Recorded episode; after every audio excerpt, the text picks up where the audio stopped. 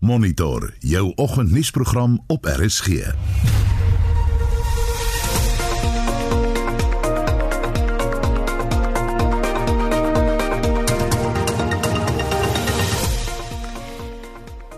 monitor vanoggend die Agri Sake Vertroue Indeks het in die 4de kwartaal tot sy hoogste vlak in 6 jaar gestyg. The 2019-20 production season was one of the best in South Africa for a number of crops. Die vakbond Bemawo oorweeg het om te appeleer teen die arbeidshof uitspraak oor die afleggings by die SAIK. Gauteng se premier wil gesondheidsorg in die provinsie verbeter. Ons kry na 7 reaksie op sy planne.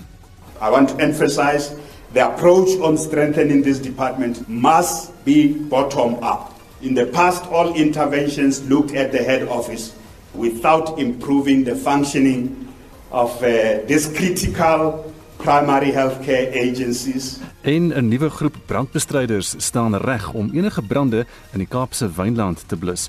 Ek is Gustaf Vreiling, goeiemôre. En my naam is Anita Visser, baie welkom by Monitor.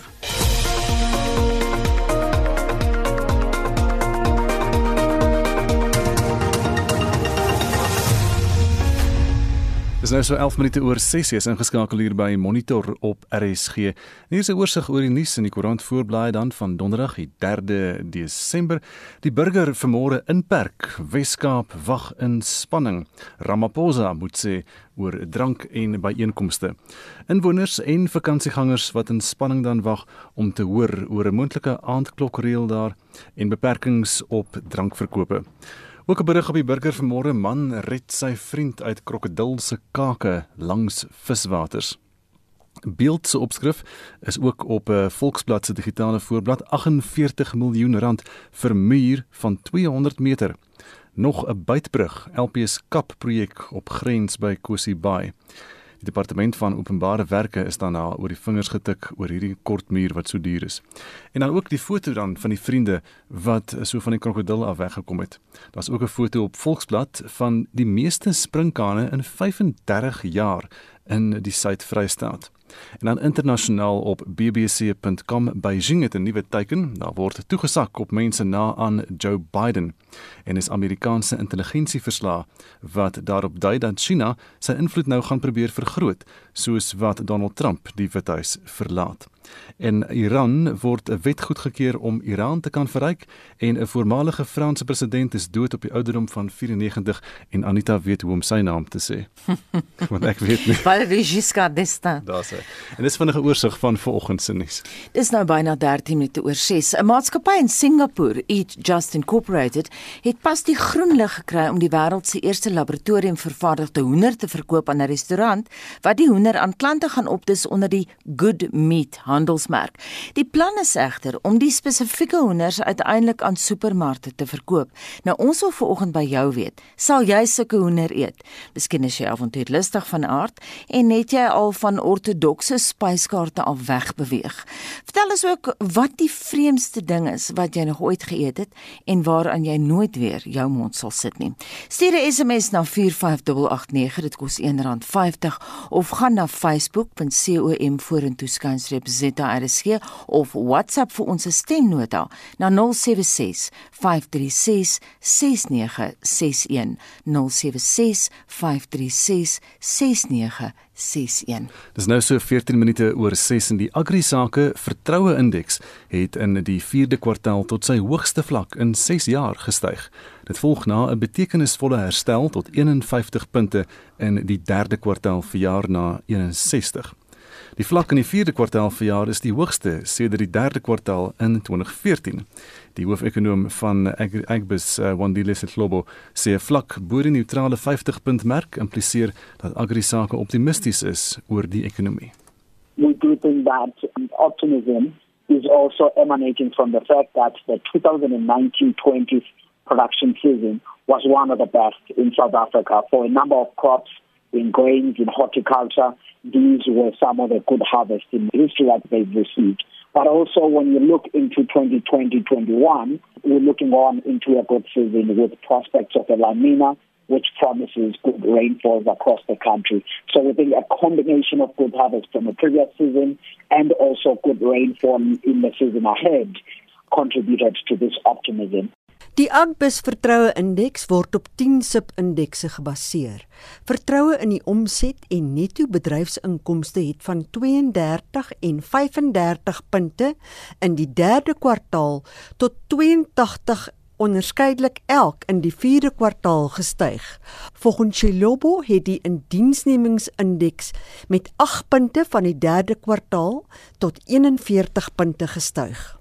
But it's still below the 50 benchmark point because for us to say there is optimism, numbers have to be over the 50 benchmark point. So the sub-index of employment is still at 41, but still it is an improvement from what we saw in the third quarter of the year. And this somewhat supports the story of the headline sub-index, which says that the employment conditions promises to improve from the previous quarter on the back of the season that is expected to have good rainfall and possibly good production. Die SIP-indeks vir die volume van die uitvoersentiment het tot 60 punte gestyg terwyl dit steeds styg as gevolg van groot aanbiedinge en 'n betreklike swakker binnelandse wisselkoers. This is in line with what we are observing from the high frequency data. If for example one just looks in the first 3 quarters of the year in South Africa, we've seen solid export numbers. And in fact, in the third quarter of 2020, we saw a record quarterly exports of agricultural products of about $3.2 billion. We haven't seen a number like that on a quarterly basis since we started collecting statistics in South Africa. And obviously, the good exports are as a result of a higher uh, harvest that we saw from the 2019-20 production season. Tog beklemtoon Shilobo, hoewel die persepsies oor ekonomiese omstandighede met 4 punte verbeter het, dit steeds laag is op 24. But they take us nowhere closer to 50, which just mirrors the reality that South Africa is in a tough conditions when one looks at a macroeconomic space. Of course, agriculture is growing and a good time, but all other major sectors of the economy have faced headwinds after COVID-19, but also even before COVID affected us, South Africa's macroeconomic conditions were not in good shape. 'n Laarpunt word as 'n positiewe ontwikkeling in die skuldvoorsiening vir slegte skuld gesien. In die 4de kwartaal het die sentiment oor finansiële kostes met 15 punte tot 68 gedaal, wat in die regte rigting is. It pretty much also is in line with a reduction in the interest rates. If you remember that the rest of this year we've seen interest rates being cut cumulatively by three basis points, which in the agricultural sector like South Africa, which is indebted with the debt levels around about 187 billion rand, that 300 basis points uh, cumulative uh, reduction in interest rates has resulted to roughly around about 5.6 billion rand savings on a debt servicing cost. Shilobo beklemtoon egter dat as gekyk word na die skuldvoorsiening vir slegte skuld, daar die teenoorgestelde uitwerking is as op die finansiële kostes. Which means that the financial situation of agriculture at large is not that healthy. We know about the challenges facing the land bank and some other institution, and we think that that sentiment on the debt provision for bad debt, in part, it could also have been influenced by what agribusinesses are feeling along those lines. Die markandeel van agrisake het met slegs 2 punte verminder. But still at 62, which is a number that is above 50. So we're not really as worried about that. And we think that the only sector that showed that large deterioration were the folks operating within the livestock sector. But all of the other sub-sectors of the agricultural economy pretty much maintained an unchanged view from the previous quarter. So nothing really to worry about there. Slight deterioration in sentiment, but still above the benchmark point of 50. Wandile Shilobo is die hoofekonoom van Agbus. Mitsi van der Merwe, SAK nuus. Dis 23 minute oor 6 uur by Monitor in die Kaapse Wynland Distriksmunisipaliteit gaan die brandseisoen binne met 16 nuwe brandbestryders wat pas hulle opleiding voltooi het. En ons praat met die woordvoerder van die Kaapse Wynland Distriksmunisipaliteit, Joanne Otto. Joanne, goeiemôre.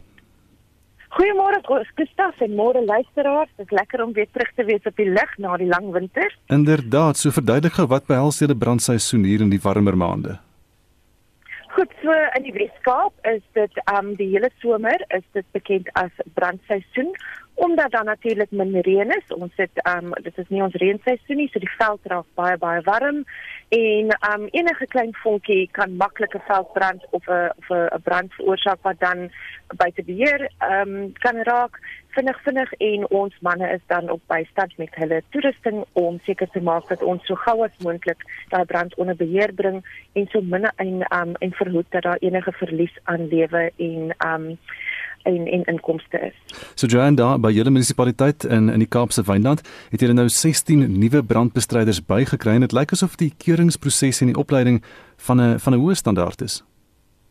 Absoluut. So ehm um, hierdie brandbestryders is eintlik van verskillende munisipaliteite af. Ons uh, munisipaliteit het ook die Cape Winelands Training Academy wat deel vorm van ons ehm um, brandbestrydingsdienste en oor die la, oor die laaste paar jaar het ons om, ongeveer 13000 ehm um, brandbestryders opgelei in verskillende vlakke van brandbestryding. Soos net soos enige ander veld is daar die basiese opleiding en dan spesialiseer hulle in verdere opleiding sodat hulle meer en meer bekwam word um in hulle in hulle verskeie velde. Hierdie spesifieke studente het nou um hulle hazmat of hazardous material management vlak 2 as ook hulle um basic firefighting en vlak 2 ook voltooi. Jy praat nou so van 13000, maar as daar nou skielik 'n brand ontstaan, hoeveel mense het julle beskikbaar? Ons het op die oomblik in die Kaapse Wynland het ons 80 simultane brandbestryders oor 'n oor 'n um 'n area van 23000 vierkante meter plus dan in die brandseisoen stel ons nog 40 reserviste aan wat dan ook skoofte werk. Ons word dan voor verder bygestaan deur die um gekontrakteerde grondspanne en ons luisteraars wat van verlede jaar van vroeër hierdie jaar sal onthou ons gemaak gebruik van um, grondspanne om die plakwerk te doen gedurende 'n brand. So dit is nie die helikopter wat die brand kom uitsit nie, dit is hmm. ons grondspanne en ons ouens, ons voete op die grond wat dit letterlik die brand dan plak. So dis 80 en 40 en dis net by julle munisipaliteit, daar's ander by die by die aangrensende munisipaliteite onthou daar's 'n verskil tussen 'n plaaslike munisipaliteit en 'n distriksmunisipaliteit. Hmm. Ja, so ons het in dorpe het ons ons brand weerspanne wat wat aan die um, plaaslike munisipaliteit gekoppel is en ons het natuurlik dan 'n ontspan van 120 wat die distriksmunisipaliteit is. Hulle help natuurlik vir mekaar teen tye wat sê nou maar daar's 'n groot brand in 'n dorp, sal ons ouens hulle gaan help en as daar 'n groot brand is buite die dorp en die die dorp se ouens is beskikbaar ek sê ouens maar dit eintlik ook dames. Hmm. Ja. Daar's dames brandbestryders so ontspanne gaan. Hulle help mekaar en hulle werk baie nou saam. So verduidelik gou die proses as daar nou 'n brand uitbreek, eh, wat moet wie moet besluit oor hoe om op te tree? Goed, so die brand word aangemeld en ons stuur gewoonlik dan ons um ons nabyste brandspan. So sê nou maar dit 'n brand breek uit hier op die uh, um in die in in in in in die Woestervallei of in die Woesterberge hier by die Toyskloof, kom ons noem 'n plek wat almal kan aan kan dink. Um sal ons van of van die Parel of van Woester gaan kyk wat is die situasie en ons kyk ook dan wat is die impak van 'n brand op die nabye um infrastruktuur en en enige ander um natuurlike uh, bronne wat daar sou is en daarso sal dan vasgestel word wat die volgende aksies is. En um, natuurlik as die wind op is of afhangende van die weer, as daar dalk 'n bietjie reën gaan kom, uh, word dit hmm. verskillend bestuur as wat dit nou baie baie warm dag is met warm warm winde wat natuurlik die en en natuurlik die plante groei in die area is 'n groot belang want omdat daar 'n hoër ehm um, uh, olie uh, inhoud is in in ehm um, in ehm ja. um, Oh, alien vegetation, mm, kan ek nou mm, die Afrikaanse mm. woord dink nie. Ehm um, um, um, veroorsaak dit dat dit dat die brand dan baie vinniger skuif as of of betrek as wat dit gebeur wanneer dit ons inheemse um, plante groei is. En dit is hoekom dit so belangrik is dat ons nie daai daai indringerplante te toelaat om oor te neem nie. In uh, COVID-19 maak dit moeilik of anders om die brandbestrydingsprosesse te bestuur en die mense? Wel weet jy ons um, brandspanne is 'n bietjie bekommerd hierdie jaar oor die ehm um, oor die oor die impak wat COVID-19 op ons uh um plaaseienaars gehad het omdat daar um brandlyne is wat dalk nie skoon gemaak is nie hmm. omdat ons net nie mense daar kon kry nie want ons mag toe nou nie rondbeweeg nie. So ons sê op, op die oomblik vir mense ons sê asseblief bel die um bel ons bel jou plaaslike munisipaliteit om in kontak te kom met ons of jou plaaslike distriksmunisipaliteit vir die van julle wat ongelukkig genoeg is om nie in die Kaapse Wynland te leef nie. Um moet julle bel, bel hulle en vind uit as daar nog spanne is wat kan kom help om skoon te maak en ons vra asseblief mense wat op die grense bly van velde of buite of selfs sien maar op 'n golfbaan waar daar natuurlike plante groei om die golfbaan is maak seker om jou huis is daar nie plante groei wat maklik 'n brand kan um van kan fuel nie. En dan net vinnig laastens enige raad of waarskuwings dan vir mense oor hierdie brandseisoen dan. So eerstens asseblief, dit is absoluut absoluut teen die wet om 'n brand of 'n of 'n vuurtjie te maak as jy nie in 'n in 'n in 'n gespesifiseerde plek is nie, soos in 'n kampterrein. In feite, ons brand ons brandmense sê altyd moenie eers braai in die somer nie. Mhm. So as jy nie by die huis braai nie, moenie 'n brand maak, moenie 'n vuurtjie maak nie. Dit is teen die wet. Jy kan 'n um, tronkstraf kry, jy kan 'n boete kry. En um en natuurlik behalwe dit dit ons het so 'n mooi area in ons land is so mooi en die jaar was so verskriklik moeilik. Ons wil regtig nie nog die klein bietjie mooi in ons fauna en ons flora en ons plante ryk en um, in ons area wil ons verwoes deur 'n brand nie. Tweedens kan ons ook asseblief vir mense noem dat dit indien daar 'n brand ontstaan en jy sien 'n 'n 'n 'n 'n brand in die berge, bel asseblief jou plaaslike polisie dienste dit is jy kan enige um, nommer bel uh, 1011 jy kan jou plaaslike branddienste bel. Baie munisipaliteite het hulle eie nommers. En um, en enige tyd dit aanmeld en hulle sal dan in kontak kom met die regte mense. En dan die laaste ding Gustaf en dit is ook baie belangrik daar is geen kostes daaraan verbonde van die persoon wat 'n brand aanmeld nie. So vir baie jare het mense gedink, "Sjoe, as ek nou die brand aanmeld, gaan ek 'n rekening kry." Hm. Dit is dit werk glad nie so nie. Jy kan 'n brand aanmeld en ehm um, en dan ook natuurlik, jy weet nie die venster uitgooi nie as indien in indien jy in die in die in die buitelewe gaan stap en in die berge gaan stap asseblief sê vir mense waar jy is en maak seker dat jy altyd in die teenoorgestelde rigting van die brand en die wind loop hmm. indien daar 'n brand in die berge. Joanne Bey, dankie Joanne Otto is die woordvoerder van die Kaapse Wynland Distriksmunisipaliteit. Jy luister na Monitor elke weekoggend tussen 6 en 8. Sopas half 7 en in die nuus die Wes-Kaapse regering sê munisipaliteite sal oop bly vir toerisme gedurende die vakansieseisoen. Die polisie soek na die aanvallers wat twee mans gister in 'n verbyery skietery in Ormonde in die suide van Johannesburg doodgeskiet het. En in Monitor ons kry reaksie op 'n nuwe voorgestelde leerplan wat leerders met basiese vaardighede sal toerus. En die SAIK wen in die arbeidshof oor sy beplande afleggings. Ons kyk na wat volgende gebeur. Estie. Anita, ons wil vanoggend by ons luisteraars weet, sal jy 'n laboratorium vervaardigde hoender eet nadat 'n maatskappy in Singapore pas die groen lig gekry het om die wêreld se eerste laboratorium vervaardigde hoender te verkoop of wat is die vreemdste ding wat jy al ooit geëet het? En Helene ter Blanche skryf: "Nee, ek sal dit nie ondersteun nie. Ek en my goeie vriende het 'n paar jaar terug in 'n vakansieoord gebly vir 'n week. Die oord het 'n buffet en van die kosse noem hulle eksoties. Ek het al geleer as ek by 'n plek kom wat ek nie seker is nie, bestel ek hoender. Die dag het ek 'n paar keer om die tafels gestap en was maar senuweeagtig oor die looks van die meeste van die disse en ek besluit maar weer op hoender met 'n soetsuur sousie. Intussen kom my vriende by die tafel aan en die man sê: "Wow, ek kan nie glo dat jy aan daardie krokodil smil nie." Ek sê nee, dis hoender.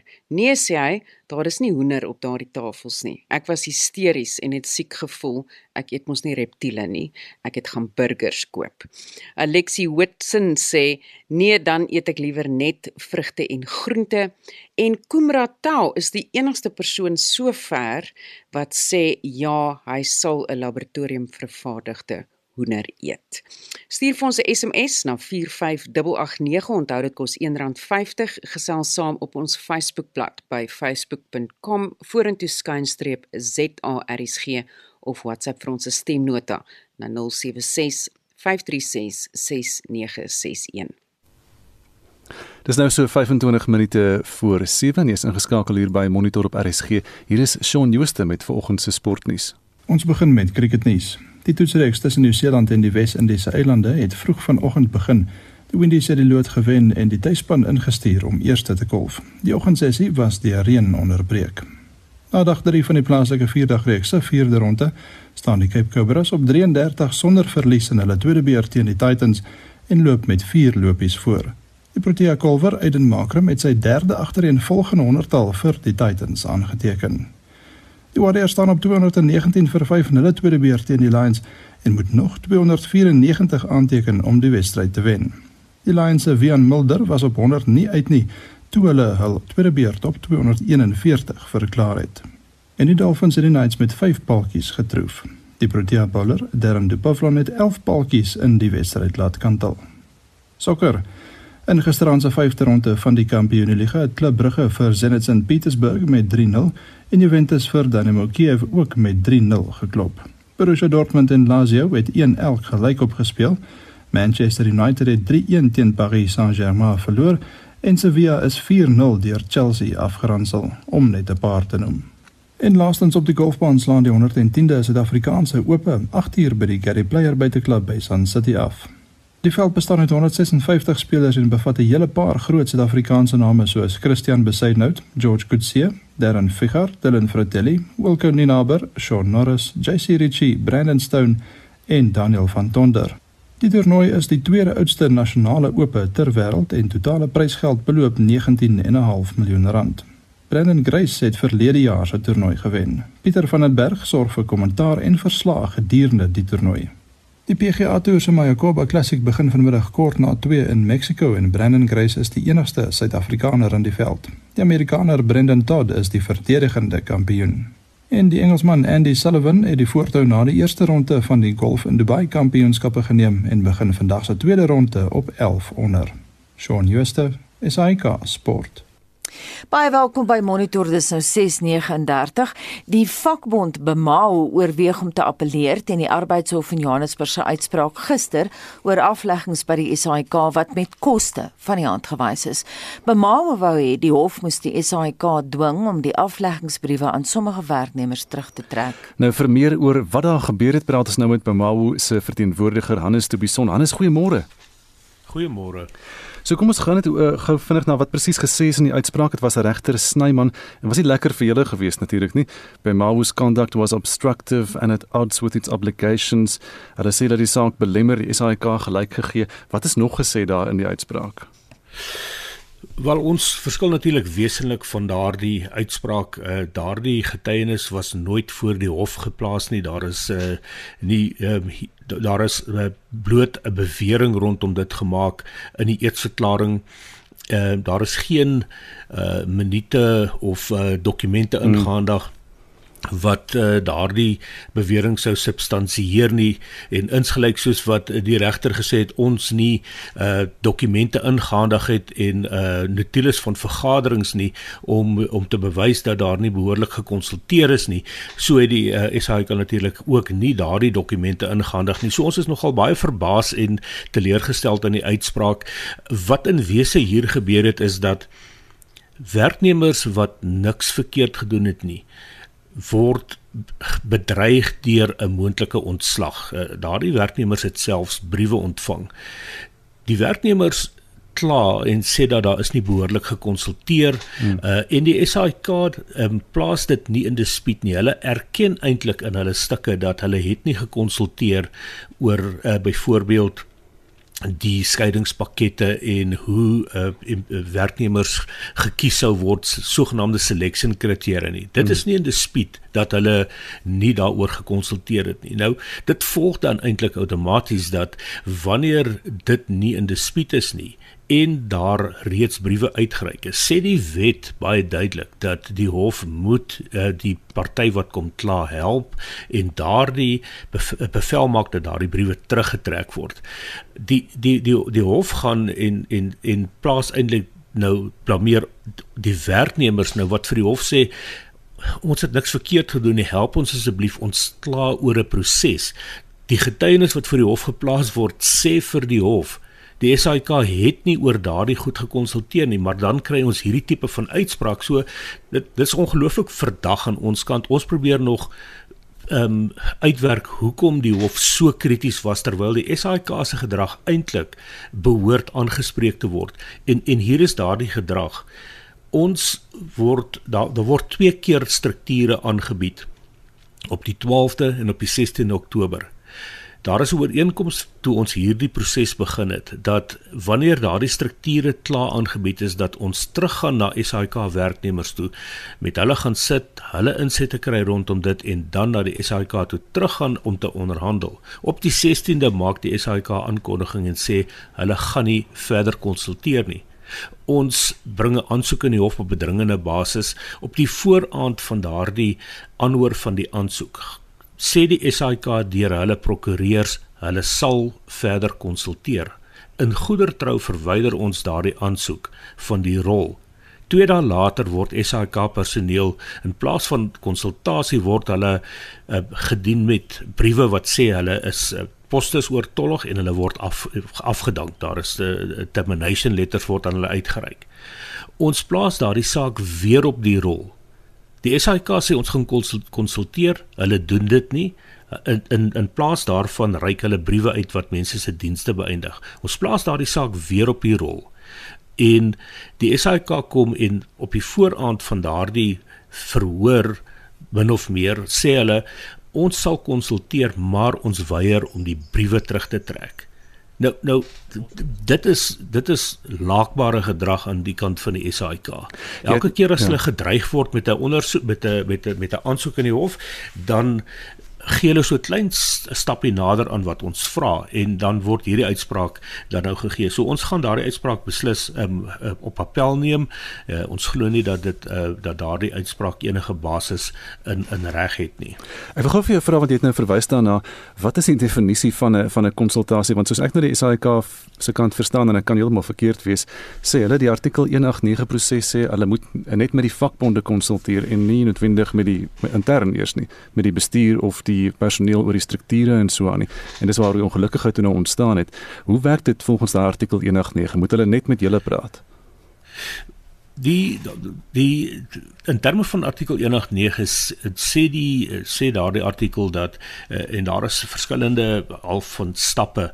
Um, dit dit sê dat as daar byvoorbeeld 'n werksplek forum is moet daar met daardie forum gekonsulteer word. As daar 'n vakbond is moet daar met die vakbond gekonsulteer word. En as daar nie 'n vakbond is of 'n werksplek forum of 'n ooreenkoms rondom met wie moet gekonsulteer word nie dan kan die SAIK of 'n werkgewer met sy personeel direk konsulteer. Hmm. Die SAIK het het begin deur te konsulteer. Hulle het 'n parallel proses begin. So hulle het begin om met met personeel te konsulteer en dan 'n artikel 189 proses begin op dieselfde tyd. Ek het toevallig vanoggend die brief gelees wat die SAIK gestuur het waar hulle sê wel hulle het die reg om met hulle personeel te konsulteer, maar hulle sal dan nou in daardie forum wat geskep was, wat daardie gefasiliteerde sessies deur die uh, eh, CCMA sal hulle in daardie sessies kom konsulteer. Wat wat toe inderdaad gebeur het, maar ons voorstel was gewees gaan terug gaan konsulteer met uh, die personeel, gaan kry insette van hmm. personeel oor hoe die struktuur moet lyk. Wat die SAIK nooit gedoen het, so, toe hulle begin het met die proses van konsultasie, het hulle klaar met strukture gekom ja. wat geen SAIK personeel het, nie op senior bestuur eers insette opgehad het nie. Mm -hmm. Hannes, die minister van kommunikasie het vroeër die week die skuld vir die SAIK se probleme gepak op staatskaping. Hoeveel van ons huidige probleme spruit uit die Gladi Motsoeneng era? Wel ek dink daar's 'n klomp probleme wat uh, daaruit spruit. Ek dink vernaam uh, en dit is so ook aangedui in die SAIK se jaarverslag dat die die die uh, slegte publisiteit wat die SAIK gekry het rondom die goed wat uh, Motsoeneng aangejaag het by die SAIK het veroorsaak dat daar vertroue in die SAIK verloor is, nie net deur adverteerders nie, maar ook deur mense wat rede gesoek het om nie 'n televisielisensie te betaal nie. Want die die houding was uh, was gewees na al hierdie goed wat gebeur het tydens daardie uh, protes uh, beleid wat hy probeer implementeer het en al hierdie ander uh, snaakse uh, naragtige uitsprake wat hy gemaak het uh, publiek het mense gesê ons gaan nie televisielisensies hmm. betaal om daardie persoon se salaris en bonusse en al daardie goed te betaal nie. So dit het groot ehm um, impak gehad op die probleme wat die SAIK nou het. Dit is baie swak bestuur. Daar is ehm um, daar is besluite geneem wat sekere mense bevoordeel het en dit moes nie gebeur het nie. Hannes? Maar dit kom nie net van hom af nie. Die raad voor hom het ook probleme veroorsaak. Ek wil tog by Glaudie bly vir 'n oomblik. Wat het van al daardie Glaudie hofsaake geword? Soos wat ek dit verstaan, het Glaudie sy appel verloor. Hoeveel geld skuld hy nog aan die openbare uitsaaier? Ja, wat wat intussen gebeur het is um, ek ek weet nie of jy weet daarvan nie, maar hy ehm um, hy het nuwe regs uh, spanne aangestel en hy het daardie uh, verslag wat deur die openbare uh, beskermer uh, uitgereik is daardie when governance and ethics fails hy daardie verslag het hy nou gaan op hersiening neem um, en die nasionale vervolgingsgesag uh, het ook besluit om hom nie te vervolg vir bedrog en korrupsie nie. Hulle is van mening dat daardie saak nie sal staan in die hof nie. Terwyl die spesiale ondersoekeenheid weer van mening is is dat hulle wil voortgaan. So die die huidige openbare beskermer het aangedui dat sy nie daardie um, hersieningsaansoek van sy kant af gaan teenstaan nie. So wat min of meer uitstaande is ehm uh, wat wat wat ons van weet is omtrent 21.7 miljoen rand. En dit blyk asof hy uh, dat daardie ehm um, inwinning of herwinning van daardie geld gaan teenstaan uh, in die hof en daardie saak is nou nog nie beslis nie so ons hou dit nou met uh, met groot uh, uh, omsigtigheid en en belangstelling dop. Net vinnig jou reaksie op hierdie een die minister van kommunikasie het nou in die week in die parlement in die portefeulje komitee dieselfde gesê as wat as wat Wynand Harms aan ons gesê het hier op monitor nou die oggend dat die televisie lisensie fooi moet verhoog word. Dink jy dit is die oplossing vir almal se probleme en hoe kry mens mense om die TV lisensie te betaal as hulle hom nie eers nou wil betaal nie? Um, ek is nie seker dat die verhoging van 'n televisielisensie regtig die probleme gaan uh aanspreek van die SAIK nie. Al wat gaan gebeur is is die klein persentasie van mense wat reeds uh, televisielisensies betaal, hulle word net ekstra belas. 'n uh, Mens sou moet eintlik kyk of 'n mens nie eerder daardie lisensiegelde moet verlaag om meer mense in staat te stel om daardie lisensies te betaal nie. En as die SAIK werklik die wet toepas. En die wet is daar. Die wet is daar vir die SAIK om mense te vervolg in 'n siviele hof wat nie lisensies betaal nie. Maar ons weet wat gebeur. Die SAIK stel nou sogenaamde collection agents aan uh, dit is prokureursfirmas wat mense wat vir mense nou SMS'e en boodskappe stuur ja. en hulle dreig dat hulle lisensies moet betaal. Maar maar ons weet en die publiek weet dat daar niks verder gebeur nie. Daar word geen aksie geneem nie. So sodra die SAK gaan begin voorbeelde maak van mense wat nie lisensies betaal nie en daardie mense dan vervolg, dan sal meer mense lisensies betaal. Maar as 'n mens nou moet 'n besluit maak en as jy nou van die armstes van die armstes in hierdie land is uh, uh, waar, waar jy ja. nie eers uh, geld vir kos het nie. As 'n mens dan nou 'n besluit moet maak of jy 'n klomp geld moet betaal of 'n bietjie geld moet betaal, dan sal 'n mens eerder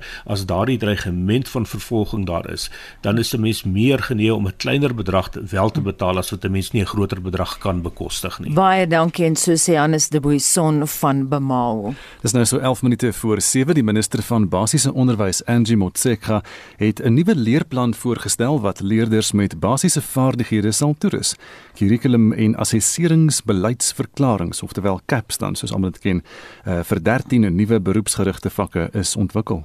Vir meer hieroor praat ons met die Vryheidsfront Plus LP en woordvoerder oor onderwys Wynand Boshoff. Goeiemôre. Stof. Dit's Anita hierso. Kan jy my hoor ah, Wynand? Uh, Gustav gaan ook met jou praat. Wat presies behels hierdie voorstelle Wynand? Daar's eintlik uh, twee dinge. Dis nie net die 13 vakke nie, daar's ook 26 vakke. Uh nou op die oomblik werk dit sodat om by graad 9 uit te kom wat vlak 1 op die nasionale ehm um, kwalifikasie raamwerk is, is daar net een manier. Jy gaan deur graad 1 tot 9 en dan het jy die ding en daar's nie keuse vakke in die proses nie. Nou word daar twee nuwe moontlikhede bygevoeg. Die ene is jy het jou fundamentele vakke, jy twee tale, wiskunde, lewensoriëntering en dan in plek van dat jy ekonomiese bestuurswetenskappe, uh, natuurwetenskappe en sosiale wetenskappe neem, kan jy drie van daai 13 beroepsvakke kies. Maar dan is daar nou nog 'n moontlikheid en dit is dat jy glad nie ehm um, jy jy kies net een dan dit een uit die 26 so jy het 'n fundamentele komponent en dan kies jy een van 26 beroepsrigtinge en helfte van die skoolweek word net aan daai enkele beroepsrigting toegewy. Met ander woorde dit gaan van meganiese tegnologie siviele tegnologie persoonlike dienste aardkappery dis eintlik 'n beroepskwalifikasie waarmee jy dan nou uh die basiese of die so dit genoem word die algemene onderwyssertifikaat wat dan graad 9 is uh mee afsluit. Wynand dit, dit lyk asof jy positief is oor hierdie voorstelle het die minister nou die regte ding gedoen. Ek dink so wat my ehm um, verbaas is hoekom sê dit so al van die geheim doen. Ehm um, baie min mense is is bewus hiervan selfs my navraag na die departement voor ek mooi presies uh, self uitgevind het wat aangaan het net van die 13 uh vakke gepraat en dan word daar nou uh in die opskrif op die webwerf praat hulle van die drie stroom model. Mm -hmm. Nou dan moet daar nog iets wees. So het ons op die 26 afgekom. So ek dink dit is 'n baie goeie idee. Ehm um, ons weet mos nou die werklikheid is baie min kinders wat in graad 1 inskryf gaan graad 12 uit die skool uit. Hmm. En selfs as die swak indiensneembaarheid van graad 12 skoolverlaters uh, ondersoek word, is die antwoord maar graad 12 is nie 'n beroepskwalifikasie nie. Dit berei jou voor vir voortgesette studies. Maar die persentasie kinders wat in graad 1 inkom wat na matriek verder gaan studeer is bitter klein. Mm. En uh dit beteken die skool lei mense eintlik op of berei hulle voor vir iets wat nie in hulle lewens gaan gebeur nie. As hierdie regtig waar goed uitgevoer kan word, dan dink ek is dit beslis 'n stap in die regte rigting. Wynand, net laasens die vakke en die leerplanne is nou oop vir publieke kommentaar. Watter voorstelle het julle gemaak? Nee, ons bestudeer dit nog daai 26 en die 13 met ander woorde 39 vakverklaringe is elkeen hier so by 100 bladsye. Ehm um, dis maar omvattende werk om daar deur te gaan. Natuurlik is groot dele van die vakverklaringe dieselfde by al die vakke, maar dan dan nou die deel wat spesifiek is oor sê nou maar 'n swyser of 'n uh, plaatmetaalwerker of wat ook al en ons is besig om dit 'n bietjie te versprei in ons netwerk aan mense wat spesifieke kundigheid het wat dan natuurlik van skole vereis gaan word is om 'n ambagspersoon of iemand wat in die praktyk is te kry om hierdie uh, uh, aan te bied en dan dan natuurlik werkswinkel of uh, ek verwys nie dit na die ambagte maar dis ook haarkappery en ook skoonheid wat jy hmm. nie nie met 'n werkswinkel nie. Ehm uh, maar wat jy daai soort van toerusting moet inkry so dis nie dat elke skool sommer maar net volgende jaar of jaar daarna kan begin daarmee nie. Maar ek dink nogal dit is iets wat gemeenskappe kan aangryp. Ehm um, met die befondsing daar is. Dit is nou altyd die die ironie daarvan dat die die vakke wat jy voorberei om universiteit toe gaan kort jy eintlik niks meer as 'n onderwyser nie. Met ander woorde 'n skool wat relatief arm is, kan dit maklik ehm um, aanbied.